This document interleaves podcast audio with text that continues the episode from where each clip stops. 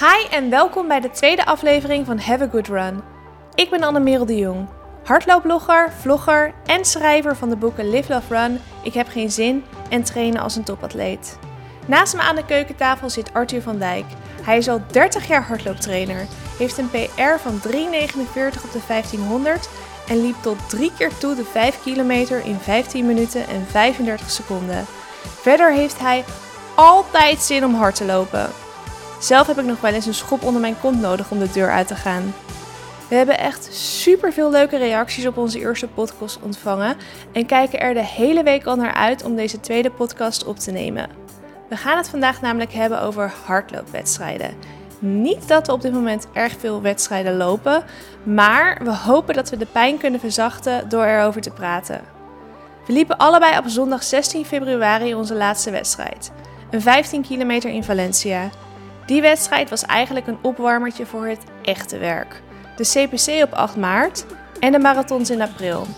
De start van de CPC hebben we allebei niet gehaald. Tuur had last van een voetblessure en ik viel een half uur voor de start plat op mijn gezicht en was niet in staat om te starten. Dit weekend had Tuur aan de start van zijn eerste marathon moeten staan, de Rotterdam Marathon.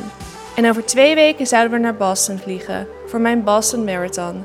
Dat gaat nu allemaal niet door, wat natuurlijk super jammer is. Maar hey, we zijn gezond, hebben een goed dak boven ons hoofd, we hoeven geen honger te lijden en hardlopen mogen we nog steeds. Genoeg om blij van te worden dus.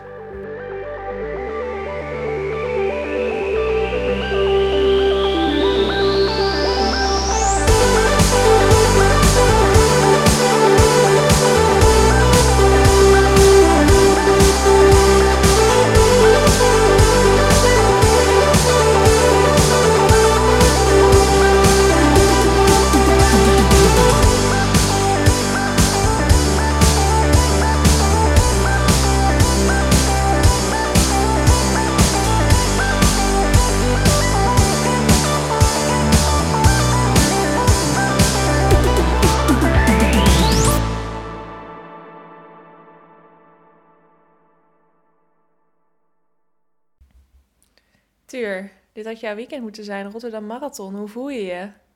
Ja, 5 april stond natuurlijk uh, sinds 9 januari toen ik jarig was. En dat, nummer, dat startnummer kreeg van jou stond natuurlijk al dik in mijn agenda. Ja. Ja. Was je er klaar voor geweest? Ja, ik was... Ik was uh, oh, de records hadden echt uh, gebroken. het is ook niet zo heel moeilijk voor jou om een record te verbreken op de marathon, aangezien je die nog nooit gelopen hebt. Maar ik geloof wel, jij was er echt helemaal klaar voor geweest. Ja, hier hebben we het ook wel over gehad uh, de afgelopen weken. Uh, mensen zullen nu heel vaak zeggen: Oh, ik, ik, was zo klaar, ik had dat zo goed kunnen doen. Ja. Maar normaal, als je natuurlijk wedstrijden hebt en je vraagt een, vraagt een dag van tevoren aan de mensen: Ben je er klaar voor? Dan zeggen ze: Nou, ik heb een beetje last van mijn rug. mijn kuit speelt wat op. Dat, Herkenbaar. iedereen is dan heel erg bescheiden. Ja. Maar als die wedstrijd dan niet doorgaat, dan gaan de mensen ineens roepen: Oh, ik, ik was zo goed. Ik had die records kunnen pakken. Ja. Wat ik ook wel echt heel bijzonder vind, is dat het gewoon weer super mooi weer wordt. Echt weer de eerste echte lentedag. Op de dag dat eigenlijk de Rotterdam Marathon zou hebben moeten plaatsvinden. En ik heb eigenlijk een beetje het idee dat de Rotterdam Marathon vergeten is te bellen met uh, de weergoden. Van de, de marathon gaat niet door. Jullie hoeven niet uh, in vol ornaat te komen op 5 april. Ja, is het, uh, ja, vorig jaar stonden wij aan ons korte broek en uh, ja, t-shirtje aan Ik dacht daarvoor ook. Volgens mij is het het vierde jaar op rij dat het gewoon de eerste lentedag is. Ja? Ja.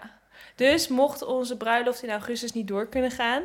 Ik denk dat we dan gewoon de bruiloft moeten plannen voor april 2021. En dan de dag dat uh, de Rotterdam Marathon is.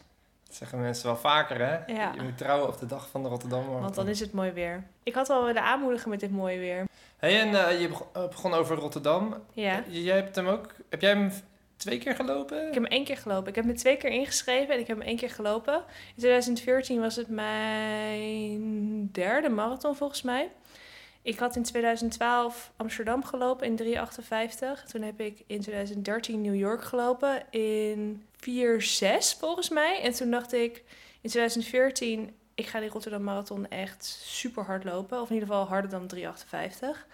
Maar dat viel een klein beetje tegen. Ik had wat uh, persoonlijke struggles. de dagen of de weken voor de marathon. En ehm, ik heb ook eigenlijk helemaal niet heel goed getraind voor die marathon. Want ik trainde wel met duurlopen netjes iedere week. Ik, ik van beginnen bij 20 en ik eindigde bij 35. Maar de enige andere training die ik in die week deed... was een herstelloop van 5 kilometer. Dus ik heb al die maanden lang maar twee keer in de week getraind. Dus een lange duurloop en een herstelloop van 5 kilometer. Dus dat is ook wel echt bijzonder weinig. Als ik daar nu op denk ik echt dat was echt veel te weinig training geweest.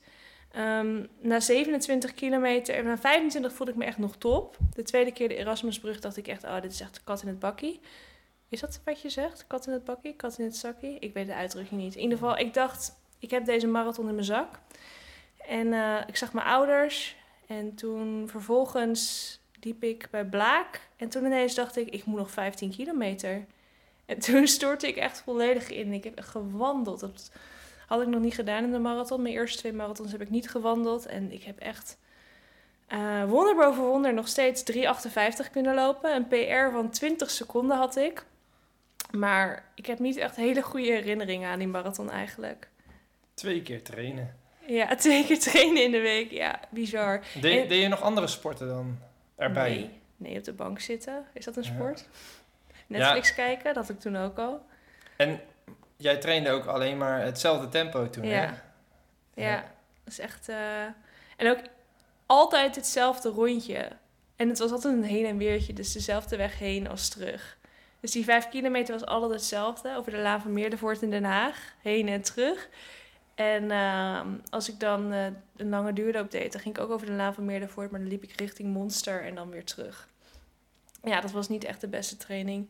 En in 2016 uh, zou ik ook de Marathon van Rotterdam lopen. En ik had toen al een PR van 3,26 staan. En trainen, ik trainde toen volgens mij wel wat meer. En het ging ook best wel heel goed. Ik weet dat ik nog een keer een duurloop heb gedaan van 30 kilometer met een pace van 4,50. Alleen daarna werd ik ziek. Um, ik kreeg een luchtwegvirusinfectie en ik ben wel gewoon op wintersport gegaan. En twee weken, en twee weken lang geappreskiet. En toen kwam ik thuis.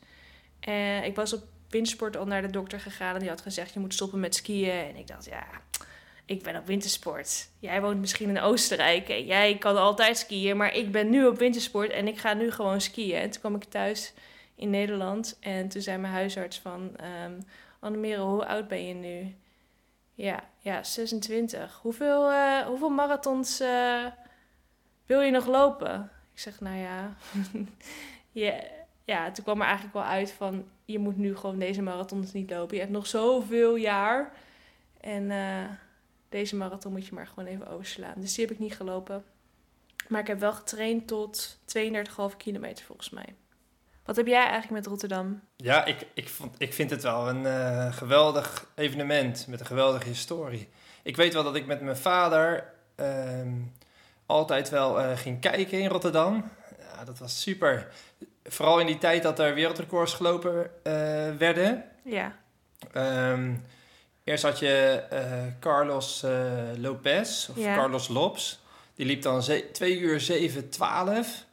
Volgens mij was dat het record van, uh, van Salazar of uh, Robert de Castella, wat hij verbeterde. Ja. En later, volgens mij rond 1988, maar misschien ook wel in de jaren 90, um, ehm, had je Beleme Densimo. Ja. En die liep uh, voor het eerst onder de 2,7, 2 uur 6,51. En dat is dan 20 km per uur, gewoon die hele marathon. Ja, dat was geweldig. Ja. En um, ik weet nog wel dat uh, Densimo die had een, um, een bepaalde manier van lopen. Eén ehm, arm beweeg, beweegde helemaal niet. En die ander die zwabberde dan uh, ernaast zo de hele tijd. En um, ik weet wel dat heel Nederland het toen erover had dat hij dat had overgehouden van vroeger toen hij naar school rende met een tas onder zijn arm. En dan die andere arm was dan, die bewoog dan uh, heel wijd om zijn evenwicht te bewaren. Maar ja, dat, dat soort herinneringen, ik weet... Uh... Je was ook bij de eerste marathon, toch? In 1981? Ja, ik weet, ik weet wel dat ik in de jaren 80 bij een van de eerste marathons uh, in het Kralingse Bos heb gestaan. Want toen waren het rondjes uh, rond het Kralingse Bos. Mm -hmm. uh, want mijn vader, die was ehm, organisator, mede-organisator van de Westlandmarathon. Dus, eh, en die marathon die, eh, ja, die was al in de jaren 70, eind jaren 70 eh, eh, was die marathon er al. En mijn vader die eh, meette het parcours en die reed dan nog een keer met de auto na. Met de auto meette die dan of het goed, goed was. Dus ik weet niet of dat allemaal wel heel erg... Of dat wel allemaal klopte, zeg maar. Dus jouw Ja. vader was verantwoordelijk voor de lengte van het parcours van de Westland Marathon. Nou, ehm, volgens mij was er iemand die echt die marathon ging wandelen met een loopwiel. Ja. En dan klopte het bijvoorbeeld niet. En dan ging mijn vader met de auto ging die nog een lusje erbij verzinnen. En Ja. dan ging hij kijken hoe, dat, hoe lang dat ongeveer met de auto was. En dan ging die man nog een keer met dat loopwiel eh, dat nameten of het echt klopte. Oké. En verder ehm, moest mijn vader ook altijd vrijwilligers eh, regelen. Ja. En dan had hij een hele lijst met telefoonnummers van leden van Olympus 70 en AV Waterweg. En dan eh, moest ik ook, eh, ja, ik was misschien pas eh tien jaar of elf jaar. En ik weet nog wel dat ik dan eh, mensen moest gaan bellen Ja. met, met, die, met die lijst. En dan, eh, ja, eh, 8 april, internationale Westland Marathon. Wij zouden het graag leuk vinden als jullie komen helpen. En dan- En ik weet, ik denk ook nu, als een kind mij zou bellen Ja. van eh, wil je komen helpen langs het parcours, dat ik dan ook geen nee kan zeggen. Nee. Nee. Maar de mensen hadden ook veel minder aan de hand eh, in die tijd. Dus ik denk dat ze wel heel snel dachten van, oh, oh, leuk uitje. Ik ga wel langs het parcours staan om te helpen, weet je. Ja. Ja, mensen doen veel meer vrijwilligersfuncties. Eh, vroeger deden ze dat veel meer dan nu, denk Ja. ik. Maar goed, genoeg over Rotterdam. We hebben mega veel vragen gekregen via Instagram. Ja, echt leuk. Ja. Zullen we die gaan beantwoorden? Ja, Ja. De eerste vraag eh, is van Maaike. Wat was je leukste wedstrijd? Waar heb je de mooiste herinneringen aan? mijn leukste wedstrijd. Ja, leuke wedstrijden zijn natuurlijk altijd wedstrijden waarin het goed gaat. Ja. Waar, waar, en meestal zeg je na afloop, oh, ik had veel harder gekund. Ja, sowieso. Als je, als je, vroeger, ik weet al heel vaak als ik een record liep op de 800 meter of op de 1500. En dan was ik totaal niet moe. En dan had ik een record vaak. En Ja. dan dacht ik, oh, ik had veel harder gekund. Maar je liep gewoon al op je uiterste. Ja. Maar je Ja. hebt niet één wedstrijd die eruit springt. Ehm, ja, die vraag werd eh, een tijdje geleden, voor mij een paar dagen geleden, ook op, mijn, op, op jouw vlog ge- eh, gesteld. En toen had ik ook over nagedacht. En ja, dat, dat WK 1500 Oh, ja. in Malaga, dat was geweldig. Ja. Ja. Gewoon ook, ehm, jij was erbij en mijn doel was de finale halen. En toen, toen pakte ik brons. Ja. Ja, dat was Dat was wel heel bijzonder. Ja. En mijn favoriete wedstrijd, herinnering, is eigenlijk Berlijn Marathon 2015. En, Ik- en hoe kwam dat dan? Wa- Wat, vond je daar zo... Nou, ik had een PR staan van 3,58, dat ik dus in Rotterdam in 2014 gelopen had. En ik liep toen 3,26. Dus dat Vier was- jaar later. Nee, een jaar en vier maanden later of zo. Oh, 2016. Ja, in 2015. In 2014 liep ik in Rotterdam 3,58. En in september 2015 liep ik 3,26. En dat is dus een PR van 32 minuten. En ik had toen wel in mijn hoofd van... Ooit wil ik een Boston Qualifier lopen. En dat was toen nog een tijd onder de 3,35. Eh, maar ik, tijdens het trainen had ik niet het idee dat ik dat nu al zou kunnen. Ik hoopte dat ik 3,45 zou kunnen lopen. En toen liep ik 3,26. Nou toen ik er op 35 kilometer achter kwam dat ik de rest van de marathon eh, ruim een minuut per kilometer kon verliezen en dan nog steeds 3,35 kon lopen. Ja, toen dacht ik echt, dit is echt fantastisch. En heb ik er zelfs nog minuten afgelopen. Ik had een eh, negatieve split. Dus ik liep, de tweede helft van de marathon sneller dan de eerste helft. En inderdaad, toen ik over de finish kwam, dacht ik... Oh, ik had nog zoveel harder gekund. Maar ik was Ja. ook echt mega blij met die 3,26. Ik was alleen in Berlijn. eh, maar er waren wel eh, andere Nederlanders. En daar heb ik het toen echt heel goed mee gevierd, s'avonds. Ik weet nog dat ik zes wijn op had. Zo. Ja, echt bizar voor mij doen. Oh, dat zou je nu niet meer kunnen. Nou, dat zou ik niet kunnen navertellen. Ik zou het nog wel kunnen, maar ik denk niet dat ik het nog kan navertellen. En ik weet dat de volgende ochtend stond ik om half negen buiten. En toen heb ik vijf kilometer gelopen. En dat ging gewoon goed met dezelfde paces die ik tijdens de marathon liep. En zes dagen na die marathon heb ik een trailrun gedaan van 47 kilometer. Oh, die langs de grens Ja. van Nederland, toch? Ja, dus mijn langste run ooit deed ik zes dagen naar, na die Berlijn Marathon. Echt, ik was toen gewoon echt fit. Ik was toen echt de definitie van fit. Had je een goede voorbereiding? Of... Want ik, Nou. is, dat het, is dat het jaar dat jij 30 rondjes om een, op een asfaltbaan liep? Of Nee, niet 30, 60. 60 rondjes op een 300 meter baan? Ja, 20 kilometer. Het was 303 330 meter was die baan. Dus ik liep 60 rondjes om aan de 20 kilometer te komen. Ja, dat was die zomer, inderdaad. Ja, dat was eh, bijzonder. Ik heb wel heel veel duurlopen toen eigenlijk ook alleen maar gedaan. Maar ik deed het duurlopen toen wel harder. Ik deed eigenlijk al mijn duurlopen in eh marathontempo of 10 seconden langzamer dan marathontempo. Zo. Ja, dus als ik dan uiteindelijk nu na ga denken, denk ik, ja, het is niet gek dat je 3,26 kon lopen. Alleen, ik had niet verwacht dat ik het dan ook nog een marathon lang vol kon houden. En hoeveel keer per week train je dan? Drie tot vier, denk ik. 3 tot 4. Dus meestal 48 uur rust? Of? Ja, zoiets. Maar ook echt heel erg onregelmatig. Want volgens mij heb ik toen, was ik drie weken op vakantie, heb ik iedere dag gelopen. Soms maar vier kilometer, maar ik liep wel iedere dag. En ehm, in Nederland heb ik ook maar soms gewoon twee keer in de week gelopen.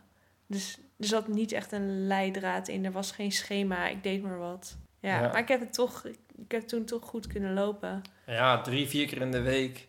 En dan... eh, Alles op marathontempo. marathontempo of vijf seconden langzamer. Ja. Dat is toch wel heel wat anders dan één keer per week zoiets. Ja. En een herstelloop van vijf kilometer. Ja. wat je voor Rotterdam had gedaan. Ja, inderdaad. Goed, volgende vraag is van Jolanda. Jolinda, sorry. Jolinda. Eh, haar vraag is: wat heeft jullie voorkeur? De baan, de weg of de cross? Ja, nee, dat ligt bij mij wel echt aan de seizoenen. Ja. Ehm, ik weet dat ik, als het crossseizoen bezig is, dan begint, dan denk ik altijd, ja, lekker crossen en geen druk van tijden en dat soort dingen. En aan het eind van het crossseizoen, dan denk je vaak eh, even rust en dan Lekker de straks lekker de baan op, wordt mooi weer en ik ga voor records. En ehm, de weg is altijd wel veel meer ontspannen. Dus voor een wegwedstrijd sta ik veel minder gespannen aan de start. Omdat je, ja, elk parcours is weer anders en ja, je wordt niet echt afgerekend op je tijd. Dus als, je op, als ik op de baan geen PR liep of niet in de buurt van mijn PR was, eh, liep, Ja. dan... Voelt het ehm, misschien als een verloren race? ja, zoiets. Ja. ja, dan ben je niet zo tevreden. En als je op de weg geen PR loopt, dan denk je... Oh, maar ik had wel een mooie positie en er stond veel wind. En dus eh, relatief heb ik wel goed gelopen. ja. Dat. Dus Nou- voor mij ligt het echt aan het seizoen. eh. het crossseizoen past mooi in de winter. Eh, een paar wegwedstrijden erbij. En dan het baanseizoen is wel echt iets voor de zomer. Ik denk dat je ook in de zomer, als het warm is... eh, niet zo heel graag een lange wegwedstrijd zou willen lopen. Nee, niet echt. Ik, voor mij is het heel anders, want voor mij is de druk op de weg groter dan op de baan. Ik heb ook alleen nog maar PR's op de baan gelopen. Ik heb twee keer een 3000 gelopen en de tweede keer was sneller dan de eerste keer. Ik heb twee keer een 1500 gelopen. De tweede keer was sneller dan de eerste keer. En ik heb één keer een 10.000 gelopen. En nou ja, ik wilde eigenlijk heel graag onder de 40. Dat lukte niet, maar dat had ook met allerlei weersomstandigheden te maken. Storm, regen, hagel. Ehm, toen liep ik 40-10. En ja, dat was ook wel echt een super bijzondere ervaring. Maar als ik nu zou moeten kiezen. Ik vind baanwedstrijden echt super leuk, omdat je mensen je steeds zien. Je hebt continu dat support. Maar ik zou toch voor de weg kiezen, denk ik. Want de weg, de baan is voor mij best wel lastig, omdat als ik rondjes loop, dat ik dan last van mijn heup en mijn bil krijg. Ehm, dus ja, dat is gewoon een beetje jammer. En ik heb nu op dit moment ook niet de snelheid die ik vorig jaar en het jaar daarvoor wel had. Dus ik zou nu ook geen PR's kunnen lopen op de baan. Dus ik focus me voorlopig even op de weg. En vraag van Dromeas. Wat is je favoriete wedstrijdafstand? Op de weg de 5 kilometer. Ja? Ja, het is, ehm, ehm, ja, het is niet echt heel erg lang zwaar. Een 5 op de weg is ook zoveel makkelijker dan een 5 op de baan. Dat heb ik dus nog nooit gedaan. Oh, een 5 op de baan, dan Heb je wel eens een 10 op de baan gedaan? Nee, nee, nee, nee. Dat is twee keer zo lang als een 5 Wat, op wat de ik me baan. kan herinneren van een eh, vijf op de baan was... Dan is het drie kilometer leuk. En dan kom je in een soort zwart gat terecht. En dan voel je je zo ongemakkelijk. En de laatste 600 voel ik me altijd wel weer... Dan denk ik, oh, nog ehm, minder dan twee minuten even doorknallen. Ja. En, en ja, een vijf op de weg is wel echt een stuk makkelijker. ja, ik heb maar één keer een 5 op de weg gelopen. Want jij wil altijd dat ik de- me inschrijf voor de 10. Ik weet ook niet waarom je dat wil, Maar jij bent daar goed in. Maar je mag dat vind jij. Maar ik vind, ik, volgende keer ga ik me echt een keer weer inschrijven voor de 5. Want dat lijkt me zoveel chiller dan de 10. De 10 voel ik me echt heel lang oncomfortabel. 10 is heftig, hè? Ja. Ja. Ehm, en de, liep, hal, de halve? nou, ik liep laatst een 15. Dat was chill. Ja? Ja, maar die liep ik dan wel op halve marathon tempo. Ja. Eh, maar dat was wel echt fijn. Want op het moment dat je het normaal gesproken zwaar krijgt in de halve marathon, dan ben je wel bij de finish. ja. Dat was Hey, echt fijn. Jij liep best goed, hè? 1-4. 1-4, ja. Ja. Ja, de 15 vind ik wel eh, een mooie afstand. Vraag, ehm we kregen ook redelijk wat vragen over PR's. Wat zijn onze persoonlijke records op de verschillende afstanden? Ik ga die van Tuur proberen te, op te noemen. Volgens mij heb je op de 800 1,51 staan. Ja, klopt. Op de Je hebt één 1500 punt. 3,49. Twee, goed hè? Op de 3000, daar ben je niet blij mee volgens mij. Want je hebt het idee dat je daar harder op hebt kunnen lopen, omdat je hem niet in je piek fitheid gelopen hebt. Volgens Nee, mij was hij wel onder 3000 de 9 is 48 of zo. Ja. ja, de 3000 is ook geen Olympische afstand, hè? Dus jij vindt dat hij niet telt. Nee, nee, nee. Oké. nee. Ehm, de 10 in 3208. Dat was vorig jaar. Mm, de halve in 1.1341. Wauw, je hebt gewoon alles, eh, alles goed, ja. Ja. ja. En de marathon, ja, die heb je nog niet gelopen. Nee. En ik? Ja, jouw marathon is denk ik eh 3, 3, oh, Malaga 31503. Ja. En dan de halve, ik denk 13050. Ja, volgens mij, ik, dat weet ik zelfs niet In, precies. In eigenlijk. Leiden liep jij dat? Ja, En de 10 eh, liep je op de baan in 4010. ja. Dat was toen met die hagel en eh, Ja, die. in Hilversum. En de 5 in 1940 ongeveer Ja, in Schipluiden. ja. De 3000 ergens in de 11,5, 11,35 denk ik. 1141 volgens mij. En de 1500, 5, 13. Maar die heb je maar twee keer gelopen in je leven, hè? Ja, maar Ja. ik vond het al... wel- Als je mijn PR's nu in een converter invoert... dan is die 1500 dus gewoon mijn beste tijd. Terwijl 513 vind ik minder snel klinken als 315 op de marathon. ja, ik vind 3,15 op de marathon voor een vrouw klink, is wel, lijkt mij wel beter dan 315 en op- 513 heeft dezelfde getallen. Oh ja. Nou, Toch? Dan, is het, dan is het even goed, ja. denk ik. Ehm, welke wedstrijd zou je over willen doen, vraagt Maaike.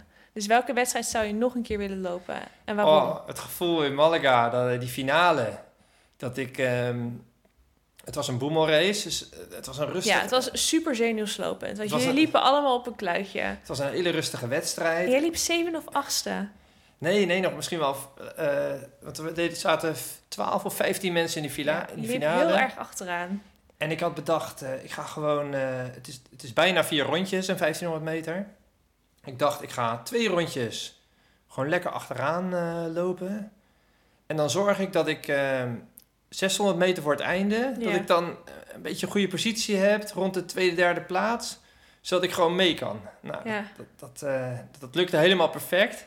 Dat was geweldig. En ehm, dus met een ronde te gaan lag ik tweede. En ik, en, en ik, ik zei de hele tijd tegen mezelf... Oh, ik zit er nog bij, ik zit er nog bij. En er werd echt flink versneld. En eh 200 meter voor het einde lag ik nog steeds tweede. Ja. 80 voor het einde. Ik dacht... Oh, ik ga wereldkampioen worden. Niet normaal. Want ik, ik, ik haalde die pol toen in. En ik lag op kop. En toen kwamen echt 40, 40 meter voor het einde... kwamen ineens twee Engelsen me weer nog voorbij. Maar ik dacht... Oh, een medaille. Ah, man. Echt, Ja. echt niet normaal. En, maar het gevoel dat je de hele tegen jezelf zegt... Oh, ik zit er nog bij. En het gaat lekker. En op een gegeven moment... Ja, ik heb echt 80 meter voor het einde... dacht ik... oh, ik ga wereldkampioen worden. Misschien dat je dat niet moet denken. Misschien dat je gewoon je benen moet laten spreken in plaats Ja, maar ik liep ook echt voluit. Want het laatste Ja, rondje was volgens mij waar. 61 of zo. Wauw. En dat, ja, dat liep ik in mijn, in mijn jeugdjaren in mijn beste wedstrijd. Ja. Nou, ik eh. was wel een beetje teleurgesteld dat je niet eerste was. Ja, jouw camera viel nog van de tribune, oh hè? god, Die had ja. jij ik op had een mijn randje camera opgesteld. ehm, op een randje op een brillenkoker met een bril erin van iemand. En ik heb blijkbaar mijn camera omgestoten op het moment dat Tuur over de finish kwam. En mijn camera lag echt, ik denk, zes meter lager. En die bril ook. Echt Was die totaal los? Of? de camera was totaal los en die bril die was, zag er niet meer zo mooi uit als dat hij eruit zag. Dat was wel een beetje zielig eigenlijk. Maar het was wel echt een hele mooie dag. Ja. Sinds, ja, sinds ik met jou eh, in de afgelopen twee jaar eh, Ja. heb jij denk ik twee of drie camera's. En misschien Is moeten we het daar nu niet over gaan hebben. Oké. En, en all welke, part of the game. en welke wedstrijd zou jij graag over willen doen? Nou, ik wilde dus eigenlijk eh, over twee weken mijn mooiste wedstrijd overdoen, de Boston Marathon. Die heb ik in 2017 al gelopen. Ehm, het ging alleen niet heel erg goed. Na 20 kilometer moest ik al wandelen, want ik had last van mijn hoofd. Ik was een beetje duizelig. Het was best wel heel warm. Het was volgens mij op een gegeven moment 25 graden en er was nergens ehm, schaduw. Want het kan heel erg verschillen, hè, het weer Ja, daar. de, het, kan, de, het jaar daarna regende het keihard. Volgens mij zelfs hagel of sneeuw. En twee jaar geleden was die editie dat Ja, iedereen Die, onderkoelt. ja, dat was die, dat was die editie. Ah. Dus ik, zou, ik vond Boston echt fantastisch. Alleen ik liep niet fantastisch. En ik zou nu wel gewoon een keertje over willen doen. En eh, nou, ik hoef niet per se een PR te lopen. Maar gewoon dat ik wel hem gewoon uit kan lopen zonder te wandelen. Dat zou wel mooi zijn. Dus eh, ja, ik hoop dat dat op 14 september kan. Maar ja, ik heb er eerlijk gezegd een klein beetje een hard hoofd in. Maar Boston, weet je, de wedstrijd staat al sinds 1897. Dus ik heb zo'n vermoeden dat het nog wel een aantal jaar door zal gaan. Dus ik kan altijd nog eh, over een paar jaar Boston lopen. Dus jij hebt echt een wedstrijd bedacht die je in de toekomst beter zou willen doen. Ja. En ik heb meer een wedstrijd bedacht. Die echt fantastisch gingen. Maar dat is Ja. het gevoel dat je dat nog een keer Dus zou als krijgen. jij zo'n wedstrijd zou bedenken, dan zou je die Berlijn Marathon van 326 ja, als- opnieuw willen doen. ja, maar dan zou ik harder willen dan 326. Oh, ja. Want dat is nu niet meer zo hard. Nee, maar dat gevoel, dat is wel lekker om te beleven, denk ik, hè? Ja, dat was echt fantastisch. Robin vraagt, hoe ver plan je je wedstrijden vooruit? Ehm, ja, nu... Nu, Nu, had, kunnen we niks plannen. Nou ja, ik had 9 januari, ehm, had ik dat, dat cadeau gekregen van jou, die Rotterdam Marathon. Ja, En toen was dat gewoon de datum, eh, v- eh, 5 april, waar ik dan voor ging, hè? ja, Dus alles in dienst van die 5 april. ja. En er zijn natuurlijk ook wel door het jaar heen een aantal wedstrijden die ik graag loop. Bijvoorbeeld eh, de Ruitenburg lopen in Maasluis vind ik wel echt leuk. Ja, is januari. Is in januari. Die hebben we ook gelopen. Ja, die hebben we nog gelopen. Ja. Ja, we hebben ooit nog Ja. een wedstrijd gelopen. Ja. En de CPC natuurlijk. CPC, ja, dat is ook een... eh, En eh, twee weken later de Ruitenburg lopen in Naaldwijk. in- maar die CPC is ook echt wel een winterdoel vaak, hè? Dus, Ja. dus dan ga je ook wel begin januari, dus dat is twee maanden van tevoren. Te- Ja, twee maanden van tevoren ga je wel echt zeggen van... Nou, CPC, daar wil ik een goede halve marathon lopen. Eh, ja, dus zo lang van tevoren. En andere wedstrijden zijn meer tuss- tussenwedstrijden. ja voor jou zijn dat tussen. Wat, jij doet vaak kortere wedstrijden. Hoewel het NK 10 kilometer in Schorrel is voor mij ook wel echt een groot, Februari, groot ja. winterdoel. Daar, daar, daar denk je ook wel aan in december. Ja. Ik heb meestal twee marathons die ik loop. Eentje in het voorjaar en eentje in het najaar. En de rest plan ik daar een beetje omheen. En ehm, weet niet, meestal is het wel een half jaar van tevoren dat ik me inschrijf voor die marathon. Ik denk dat het ook super belangrijk is om een doel te hebben. Ja, Want dan, dat is echt een stok achter de deur om, ehm, naar buiten te gaan. ja, en om elke week een plan te hebben wat je wilt doen. Ja. En Want je werkt dan toch ergens naartoe. ja, Celine vraagt, wat is jullie ideale wedstrijdvoorbereiding? ideale wedstrijdvoorbereiding. Ja, Als die op zondag is, dan eh, wil ik zaterdag eh, niet al te laat naar bed. Hoewel, dat maakt me ook niet echt heel veel uit. Maar ik wil in ieder geval wel een relaxe zaterdagavond. ja. Dus niet een zaterdagavond waarbij je veel op je benen staat. Want- niet naar een feest. Nee, wat als, als ik echt veel rondloop op zo'n zaterdagavond, dan is dat echt niks. En ik moet ook wel echt eh, dingen eten eh, die, die ik goed verteer. Ja, Bijvoorbeeld iets, iets met rijst of zo, maar ook weer niet te pittig. pasta, Ja, maar dan ook weer niet te vet. En Ja, ook niet, ja, niet, niet pittig, niet vet. Dat is wel heel belangrijk. ik vind het ook fijn als een wedstrijd ehm 11 uur s morgens is op zondagochtend. 11 uur, 12 uur, 1 uur vind ik ook nog wel goed. Ik vind half negen echt het allerbeste. Oh, maar ik wil wel graag 4 uur van tevoren. Ja, maar dan sta je toch gewoon om vijf uur op. Ja, dat is wel weer heftig natuurlijk. Ja, Dat- maar dan, dat geeft altijd wel weer een speciaal gevoel. Ja. Want wij gaan altijd, eh, als we... Zondagochtend om 7 uur opstaan als je wedstrijd om 11 uur is, vind ik ook wel speciaal. ja, ik weet niet. Als ik om vijf uur wakker word en dan denk, dan, ik weet niet, dat krijg ik gelijk dat, dat wedstrijdgevoel. De eerste minuten denk ik echt, waarom ga ik dit doen? Kan ik niet gewoon lekker in bed blijven liggen? Ik ga geen wedstrijd lopen. Maar als ik dan eenmaal ben opgestaan, dan, dan gaat het meestal wel. En ehm, wij gaan altijd meteen naar buiten om een kort rondje hard te lopen. ja, 2, 3 kilometer. Ja, ik kreeg daar ook vragen over. Mensen vragen waarom doen wij dat? Waarom gaan we eerst nog loslopen? Nou, ik vind het vooral eh, lekker omdat ik dan eh, net voor de wedstrijd geen stress heb dat ik een te korte warming-up heb bijvoorbeeld, of omdat ik niet warm genoeg ben. Dus als ik zeg maar vier uur voor de wedstrijd alvast warm gelopen heb, dan, en ik kom dan bij een wedstrijd aan en ik, ik merk dat er file is, of ik, ik kan mijn auto niet kwijt, of, en waardoor ik misschien nog maar een half uur heb voor mijn warming-up, dan denk ik, oh, dat maakt me toch niet uit, ik heb vanmorgen al ingelopen. Dus dan, dan zijn, is kort inlopen en een paar versnellingen is al goed. Zeker als Ja. je afstand 10 kilometer is of, of een halve. Dan Ja. heb je niet zo'n super lange warming-up nodig. Ja, ik, ik wist eigenlijk niet waarom we het precies deden. Maar voor mij is het wel...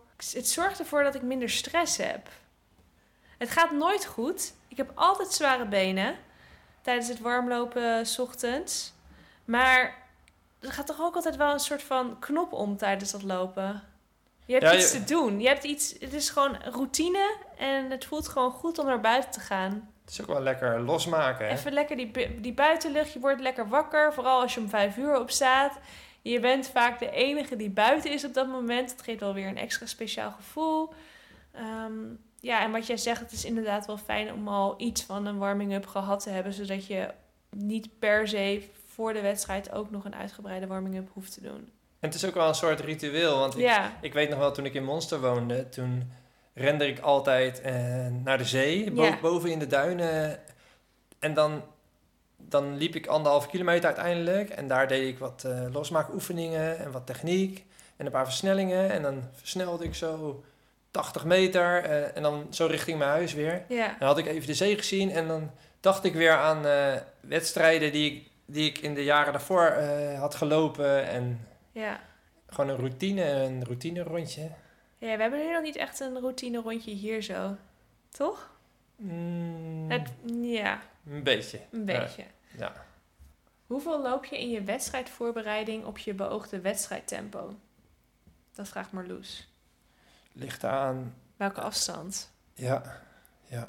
Als ik een marathon loop, of train voor een marathon, dan wil ik graag in een wedstrijd al een keertje in, in een halve marathon al een keer dat wedstrijdtempo gelopen hebben. Maar dat kan ik dan niet, dat zou ik niet gewoon tijdens een normale training kunnen. Daar heb ik dan wel echt een wedstrijd voor nodig. ja, jij bent daar echt gevoelig voor, hè? Ja, Jij loopt eh, bijvoorbeeld in de 25 van Apeldoorn. ja, Liep je zo makkelijk, zo snel. ja, eh 25 kilometer lang. ja. Terwijl je een week ervoor of een week erna. Nog niet eens twee kilometer dat tempo vol kon houden. Ja. Ja, het is echt bizar. Dus, maar dat geeft me ook wel weer een soort van zekerheid. Van, ook al heb ik, heb ik het gevoel dat ik niet heel goed getraind ben... eh, in een wedstrijd kan ik altijd meer. Maar als je bijvoorbeeld voor een 5 kilometer traint... dan loop je vaak niet meer dan 800 of 1000 meter in het tempo in een training. ja, dat is wel heftig. Ja, dat is al heftig. Als je 5 Ja. keer 1000 op eh 5 kilometer kan- tempo kan lopen... nou, dan weet je wel dat je er klaar voor bent. Als je dat zou kunnen... Ja, ik weet dat ehm Grete Koens, die zei wel eens tegen mij van... Koens is de bondcoach van, het, eh, van, van de Nederlandse Atletiek Unie, toch? Ja, die zei van, eh, we halen er gewoon een nulletje vanaf. Ja, Dus als we 1500 meter tempo willen lopen, dan doen we eh 12 keer 150. ja, En de 300'tjes, die gaan in 3000 tempo. En de viertjes gaan in, eh, in 5 kilometer tempo. Dat is eigenlijk 4 kilometer tempo. Maar, dus ja, duizendjes op de training in 5 kilometer tempo lijkt me wel echt eh, lijkt me wel heftig. Als je een hele Volgens serie mij heb ik doen. dat wel gedaan.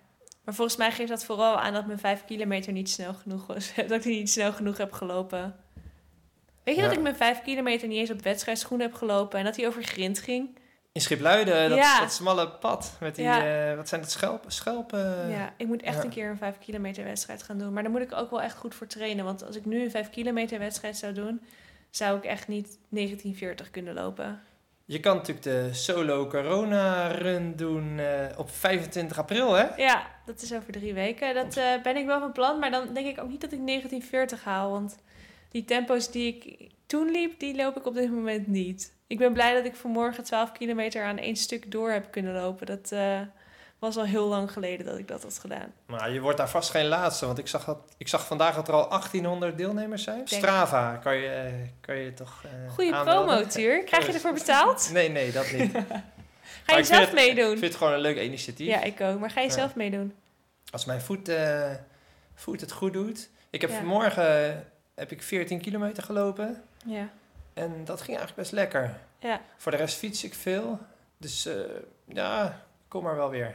Maar Ja. om nu gelijk weer een 5 kilometer voluit te lopen... eh, Je mag mij ook hazen, maar het is een corona solo. Nee, dus mag- je- je jij mag mag mij niet hazen. Je mag niet gehaast worden. Maar misschien als jij hem, als jij hem eh, op onzichtbaar zet, kun je hem alsnog hazen. Nu hebben ze dat gehoord waarschijnlijk. Nu Nee, mag dat gaan we niet Nee, dat doen we niet. Dat mag niet. Nee, we zijn eerlijke mensen. Ja. Hoeveel train je in de week voor de wedstrijd? Wel minder dan, ehm, dan de andere weken. Ik denk dat ik vaak op 60, 65 procent zit van een normale week. Ja. Ik, en volgens mij voor een marathon... Ja, ik heb natuurlijk nog nooit een marathon gelopen. Maar mijn plan was eh, om daar echt nog veel, veel minder te doen. En dan Ja. ga je al twee weken van tevoren ga je rustiger aan doen. Nou, ik denk niet dat ik veel minder dan 60% had gedaan hoor. Voor een marathon. Want als je te veel tapert, dan ga je ook weer allerlei rare dingen voelen. Want je lichaam is gewend aan training. Dus als je ineens helemaal niks meer gaat doen. Ik denk gewoon bijvoorbeeld als je normaal 6 keer 1000 op dinsdag doet. Dan doe je nu 4 keer 1000. Ja, ja, en dan wel eh, hetzelfde tempo. Wel dezelfde intensiteit, maar niet dezelfde omvang. Ja. En dit ligt ook heel erg aan hoe belangrijk je die wedstrijd vindt. Want ik weet nog wel dat ik in mijn trainen als een topatleetperiode... dat ik gewoon twee dagen voor een wedstrijd nog vol trainde. Omdat het ging niet echt om die wedstrijd. Het ging meer om het einddoel, die marathon. Het grote doel, de Berlijn Marathon Ja. was dat, hè? Ja. Dus eh, Ja, in, in de afgelopen periode heb ik ook vaak ehm, gewoon twee pittige weken Ja. en dan een week van 60% ja, En dan kwam na die week van 60 Ja. kwam bijvoorbeeld Apeldoorn. ja. En dan weer twee pittige weken en Ja. dan, dan weer een Ik, rustige ehm, week. ik probeer wel ehm, vier dagen voor een wedstrijd geen krachttraining meer te doen. Want dat kan me echt in de weg zitten tijdens een wedstrijd. En ja, gewoon iets minder eh, in de verzuring. Dus geen eh zes keer duizend. Krachttraining zou natuurlijk nog wel kunnen, alleen je wil natuurlijk geen spierpijn hebben. Nee. nee. En ik ken mezelf. Dus zes, ik zou geen zes keer duizend twee dagen voor de, voor de wedstrijd doen. Maar 15 keer 200, dat zou bijvoorbeeld wel kunnen. Want dan ga je niet in de verzuring. Dat is te, kort, te korte inspanning om echt helemaal compleet verzuurd te raken. Ja, dan, maar dan bedoel je als je een 5 kilometer loopt, dat je die 15 keer 200 dan op 5 kilometer tempo doet. Niet op 1500. Nee, nee dat gaat alweer een beetje te ver. Tenzij je een 1500 meter wedstrijd doet, maar dan zou ik misschien maar 6 doen. En dan meer pauze. Ja. Een aantal hadden vragen over wedstrijdzenuwen. Wat doe je daaraan? Ik heb het idee dat Tuur nooit zenuwachtig is voor een wedstrijd. Ik weet niet of hij dat doet om mij niet zenuwachtig te maken. Maar voor mijn gevoel is Tuur nooit zenuwachtig. Nou, er gaat wel eens iets door me heen van eh, oeh, dit of dat. Maar ik eh, praat altijd wel tegen mezelf van, van eh, joh, je hebt er goed, goed genoeg voor getraind, je bent er klaar voor. Ehm, ja, dat. Het, het, het, het is mooi weer of je, je kan niet meer dan je best doen. Dus ik praat wel altijd eh, positief tegen mezelf. Ja. En als ik er, er eenmaal bij de wedstrijd ben, dan kan, ik, kan je het ook veel min- meer loslaten. Ja, ik ben voor, vlak voor een wedstrijd juist het meest zenuwachtig. Ik laat het meestal pas echt los ongeveer 10 minuten voor de wedstrijd. Als ik mijn versnellingslopen doe op mijn wedstrijdschoenen. Dan voel ik van, oké, ja, ik ben er klaar bij. Met inlopen denk ik dan nog, oh mijn god, hoe moet ik in vredesnaam mijn wedstrijd lopen? Mijn benen zijn zo zwaar, dat doet pijn. Nee, ik moet nog naar de wc, help. Nee, ik kan dit niet. En dan vlak voor de wedstrijd, dan sta je in je startvak en dan doe je nog een paar versnellingslopen voor de start. In je wedstrijdschoenen. En dan denk ik ineens, ja, let's do this. Dat gevoel heb ik dan wel. Maar ja, soms, ik heb wel echt voor wedstrijden dat ik, eh, waar voor die ik voor in mijn hoofd echt super groot heb gemaakt. Dat ik echt drie, vier dagen van tevoren al daar in mijn hoofd mee bezig was. En dat ik gewoon niet lekker in mijn vel zat. En ik heb eigenlijk geleerd om die zenuwen die je hebt niet weg te stoppen. Want als je je zenuwen wegstopt, dan geef je het veel te veel aandacht. Want het wegstoppen van die zenuwen lukt niet. Eh, in mijn trainen als een topatleet periode ben ik begeleid door een sportpsycholoog Thomas Waanders. En hij zei, als jij het wegstoppen van die zenuwen is eigenlijk als een soort van ehm, opblaasbal onder water proberen te duwen. Als je hem loslaat, dan komt hij altijd weer terug. Dus zorg ervoor, ja, oké, ac- accepteer die gevoelens en bestempel ze niet als iets slechts. Want ja, ja, die zenuwen zijn er nou eenmaal. En Dat met je die ze ook nodig hebt. je hebt ze eh, ook nodig om inderdaad ehm, voor, om, om die wedstrijd goed te kunnen lopen.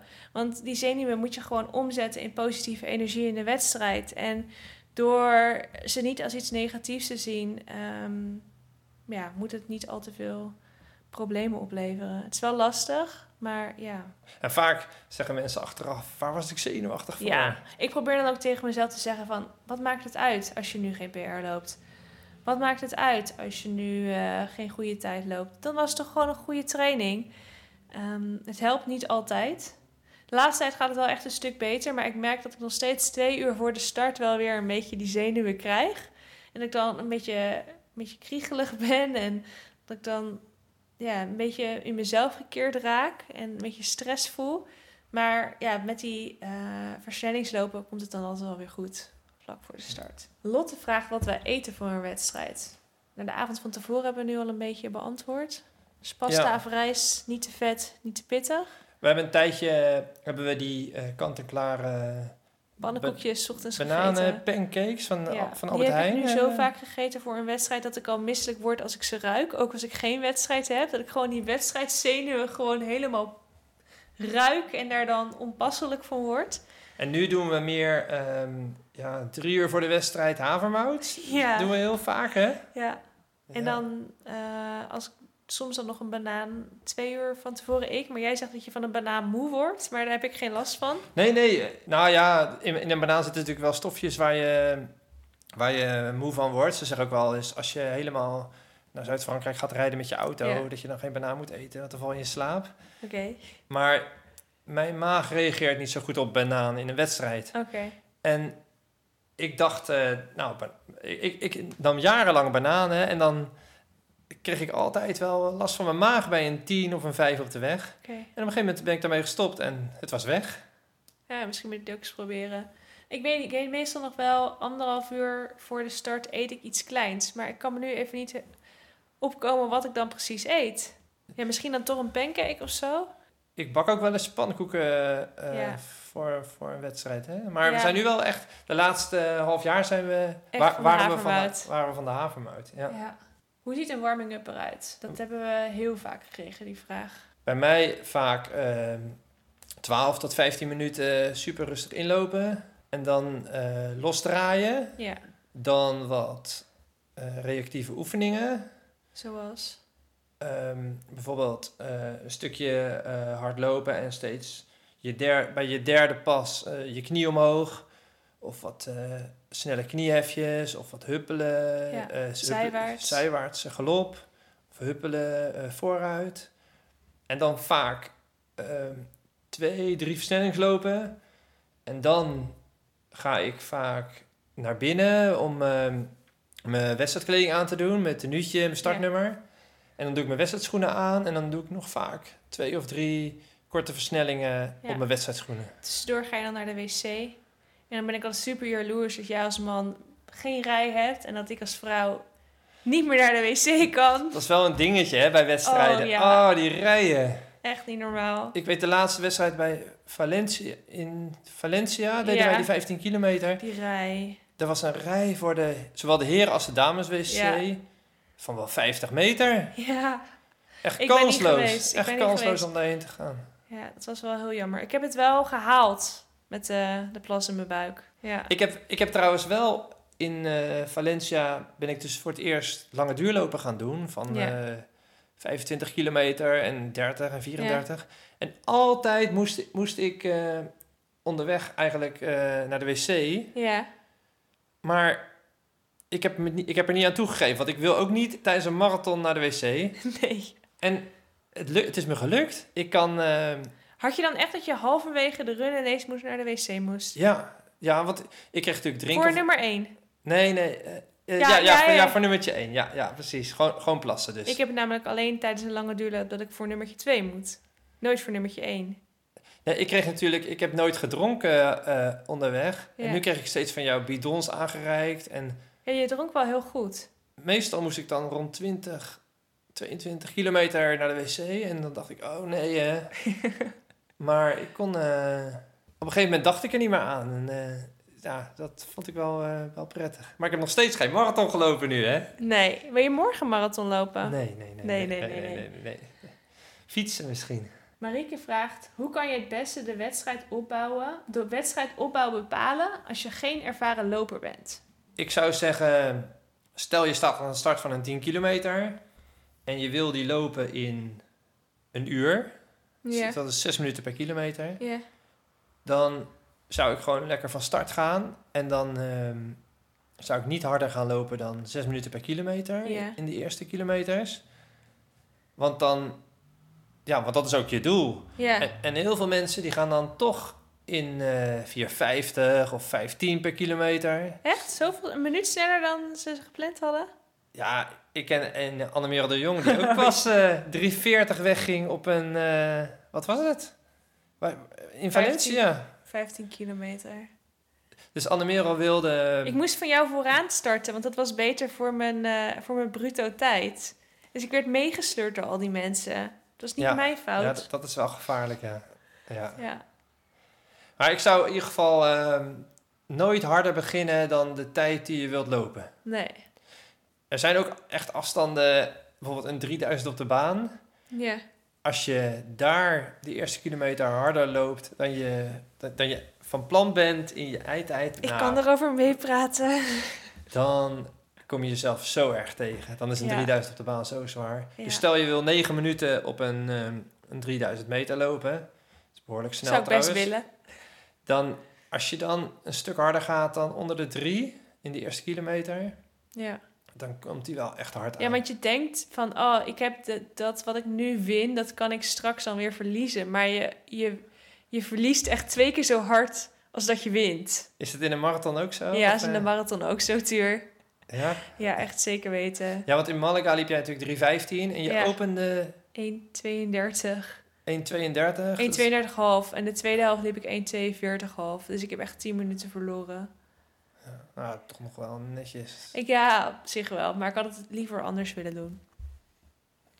En Rijknier vraagt... Hoe voorkom je dat je te snel begint? Dat hebben we eigenlijk net al gezegd.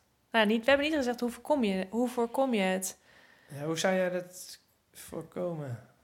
Ehm, nou, niet te ver vooraan starten, denk ik. Dat is sowieso al... eh, Starten waar je eigenlijk thuis hoort. Ja, starten waar je eigenlijk thuis hoort. En ehm, gewoon echt je eigen ritme lopen en niet jezelf laten verleiden tot het tempo van de anderen. Dus echt gewoon ook op, maar dan kijk je gewoon die eerste kilometer gewoon een paar keer op je horloge van loop ik niet te hard. En ook al voelt het ineens mega goed, geef er gewoon niet aan toe. Loop gewoon dat tempo dat je jezelf hebt voorgenomen, want je hebt nog tijd zat om het. eh, als, als het echt zo goed gaat, kun je altijd op het eind nog harder gaan lopen. Ja, dat is een heerlijk gevoel, hè? Ja. Als je mensen kan inhalen om Ja. je heen. Ik denk soms als ik eh, door aan alle kanten word ingehaald bij de start, dan denk ik, haha, jou haal ik op het eind nog wel in. Oh, echt? Ja, dat denk ik soms wel. Jij, jij bent trouwens wel echt een marathonloopster, hè? Want ehm, jij hebt eigenlijk misschien wel meer marathons gelopen dan 10 kilometers. Hmm, dat weet ik niet. Ik heb wel meer marathons gelopen dan 5 kilometers. Want- Ik heb meer marathons gelopen dan 5, 3000 en 1500 bij elkaar opgeteld. Want jij bent in 2012 heb jij je eerste marathon gelopen. En ja. wanneer...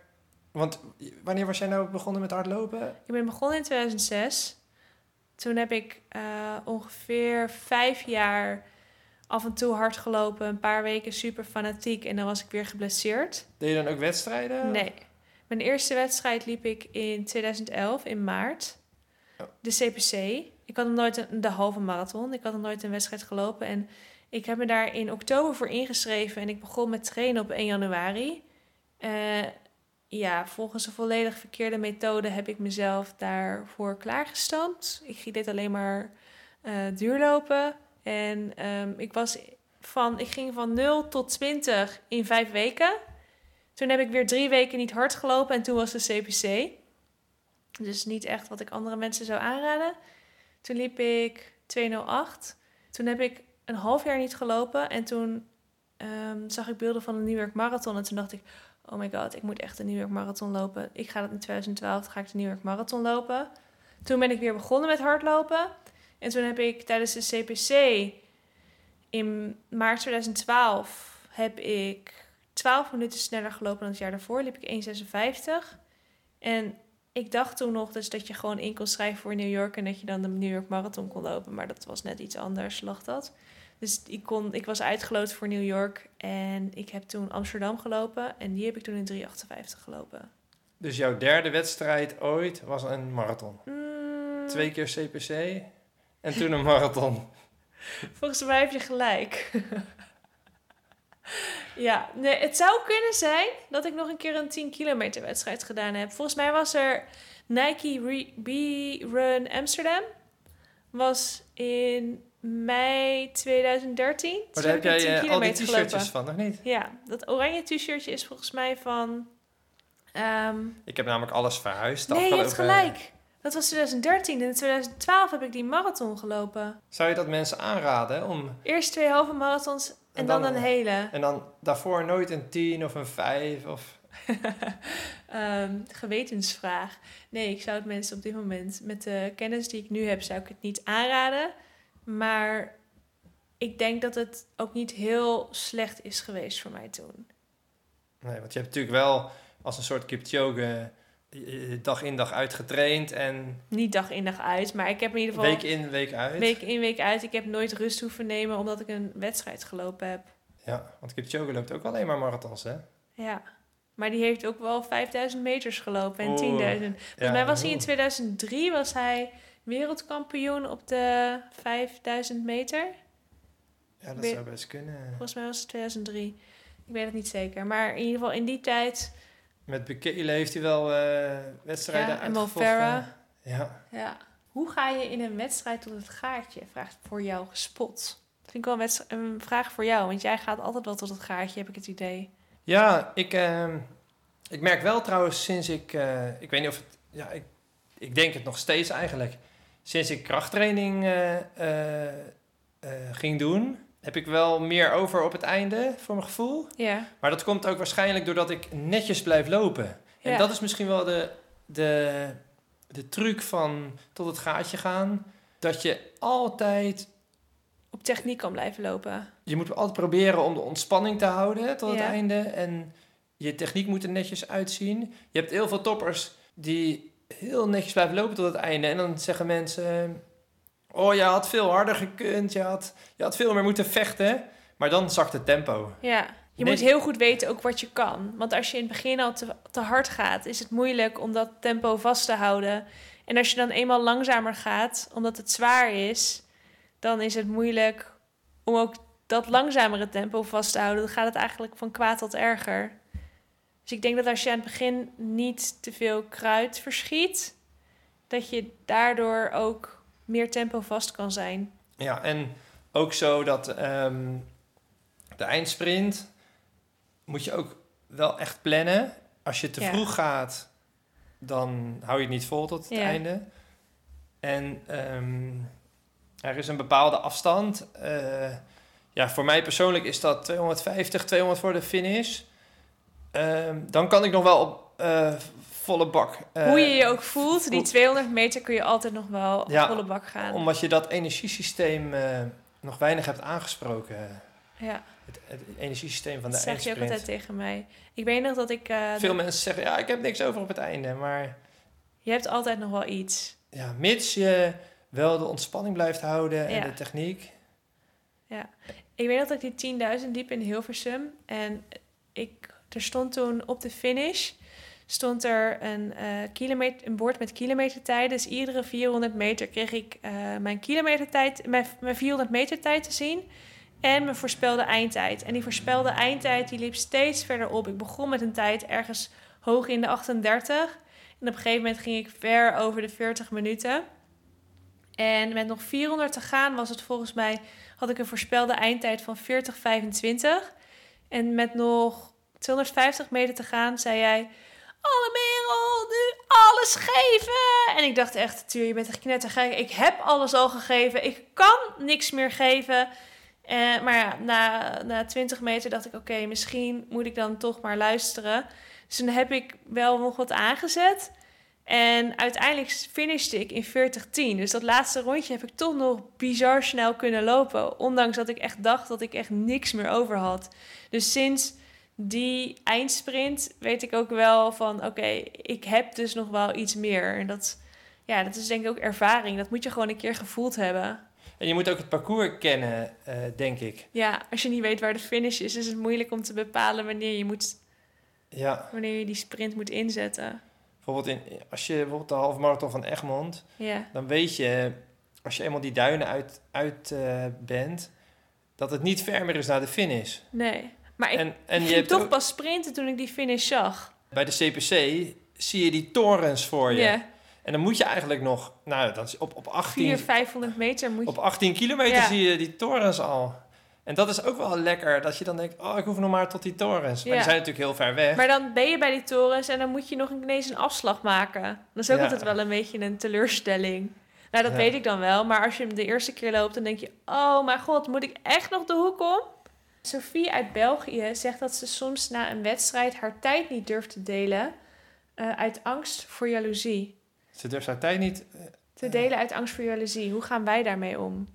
Dus bijvoorbeeld als, als jij 9 en, of als jij 40 10 hebt gelopen. Ja, dat ik dat niet durf te delen omdat ik bang ben dat mensen jaloers zijn. Nou, voor mij is dat eigenlijk best wel simpel, want ik zit in een hardloopteam en iedereen is sneller dan ik. Dus ik hoef me nooit te schamen voor mijn tijd. Of in ieder geval, ik hoef me nooit bescheiden op te stellen, want iedereen is toch sneller dan ik. Ja, nou ja, je loopt toch ook voor jezelf. Je loopt ook voor jezelf, ja.